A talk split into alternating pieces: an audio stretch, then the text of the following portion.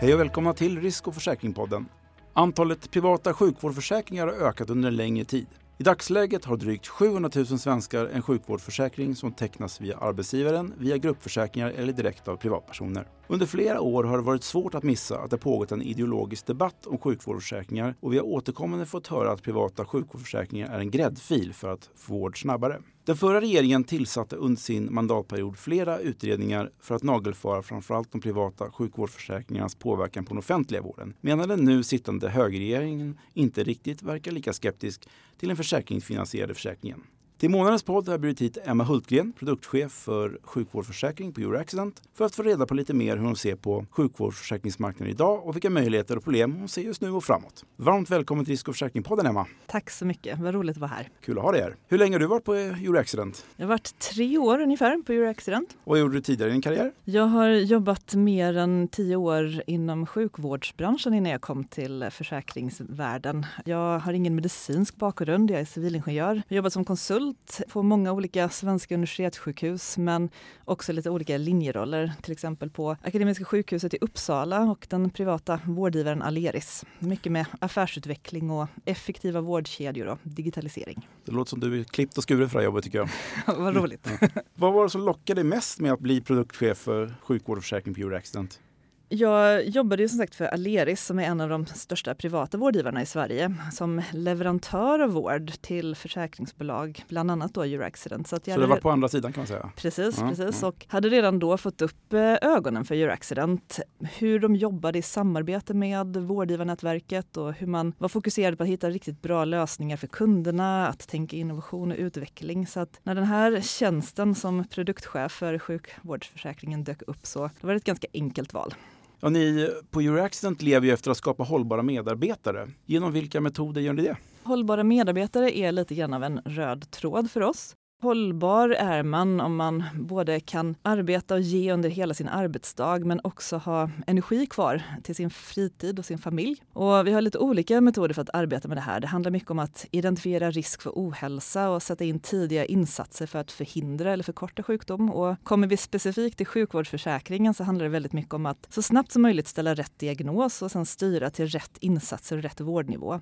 Till exempel så jobbar vi med egen medicinsk kompetens. Vi har sköterskor och psykologer som jobbar väldigt nära våra vårdgivare och så att vi försöker alltid hitta rätt för kunden och styra rätt. Mm. Kontakt med vårdgivarna är ju såklart viktig för er. Hur arbetar ni med kvalitetssäkring och uppföljning av vårdnätverket? Vi arbetar väldigt mycket med det. Vi har mer än tusen kliniker i hela Sverige och tittar vi i Norden så är det ännu fler kliniker. Så att att säkerställa att de vårdgivare som vi arbetar med har rätt kompetens och rätt eh, vårdvolymer för att säkerställa kvalitet är en jätteviktig del. Vi tittar på saker som rapportering till kvalitetsregister och klagomål och incidenter och hur vårdgivarna hanterar den typen av frågor.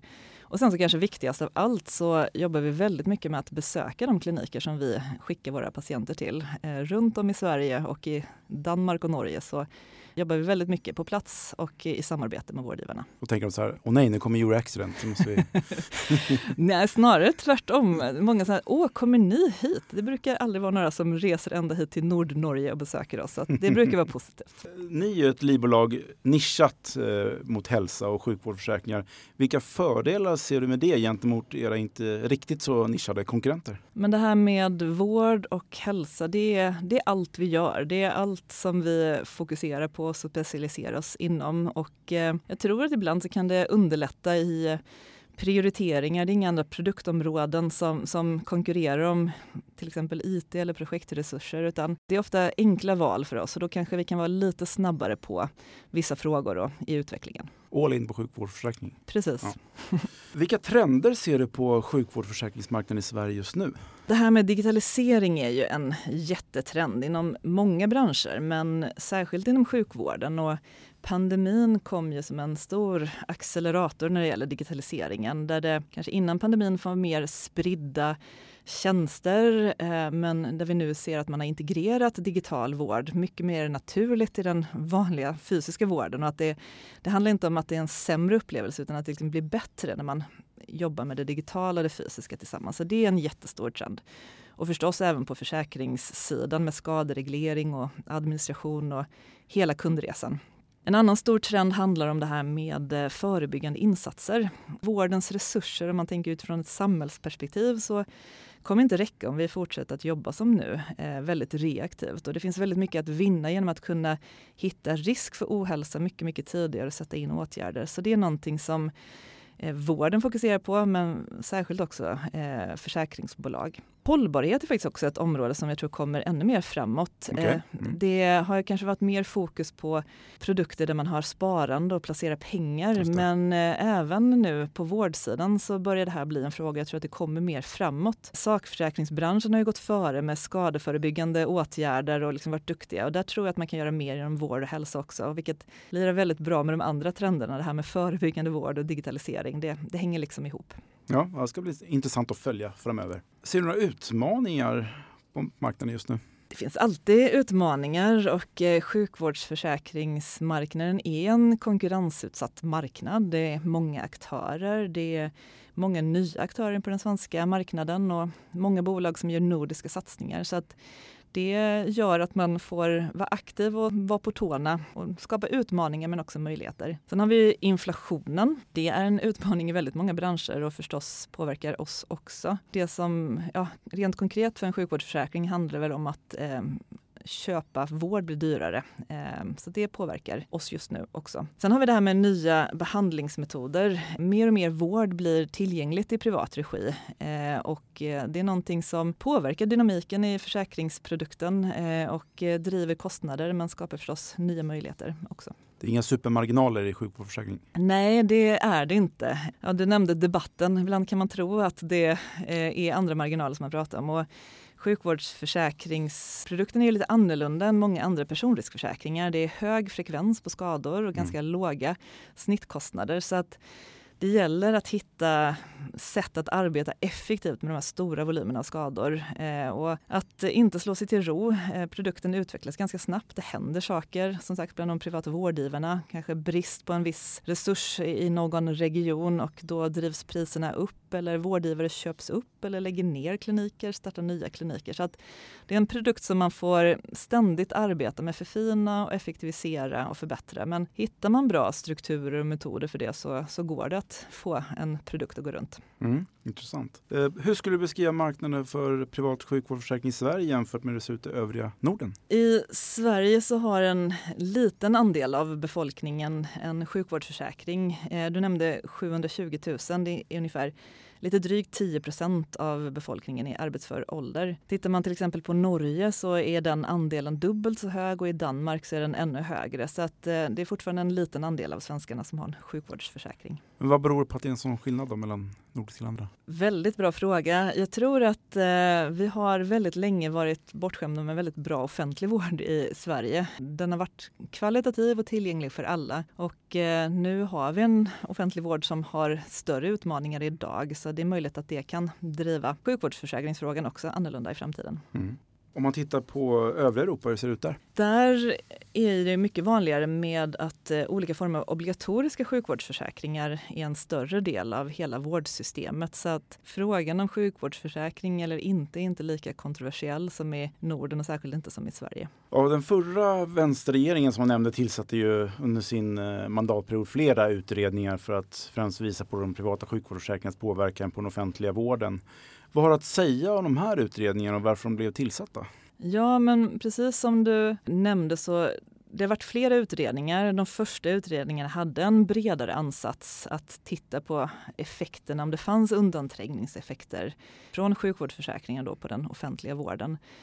Och eh, de två första utredningarna kunde inte visa på den typen av effekter och när man hade dialog med regioner runt om i Sverige så var inte de heller så negativa till sjukvårdsförsäkringarna och liksom samarbetet med de privata vårdgivarna kring det. Så den sista utredningen som tillsattes hade en mycket tydligare och specifikt uppdrag. Där var det att ta fram ett förslag som förhindrade privata vårdgivare att samtidigt sälja vårdtjänster till regioner och försäkringsbolag. Det lades fram som ett förslag men det gick sedan inte igenom utan i januari så röstades det nej till det förslaget. Vad hade konsekvenserna blivit om förslagen från den förra regeringen hade röstats igenom? Då hade många vårdgivare tvingats välja väg. Framförallt skulle det drabba mindre vårdgivare som kanske inte skulle kunna klara sig med bara försäkringspatienter eller eh, patienter som kommer då från regionen.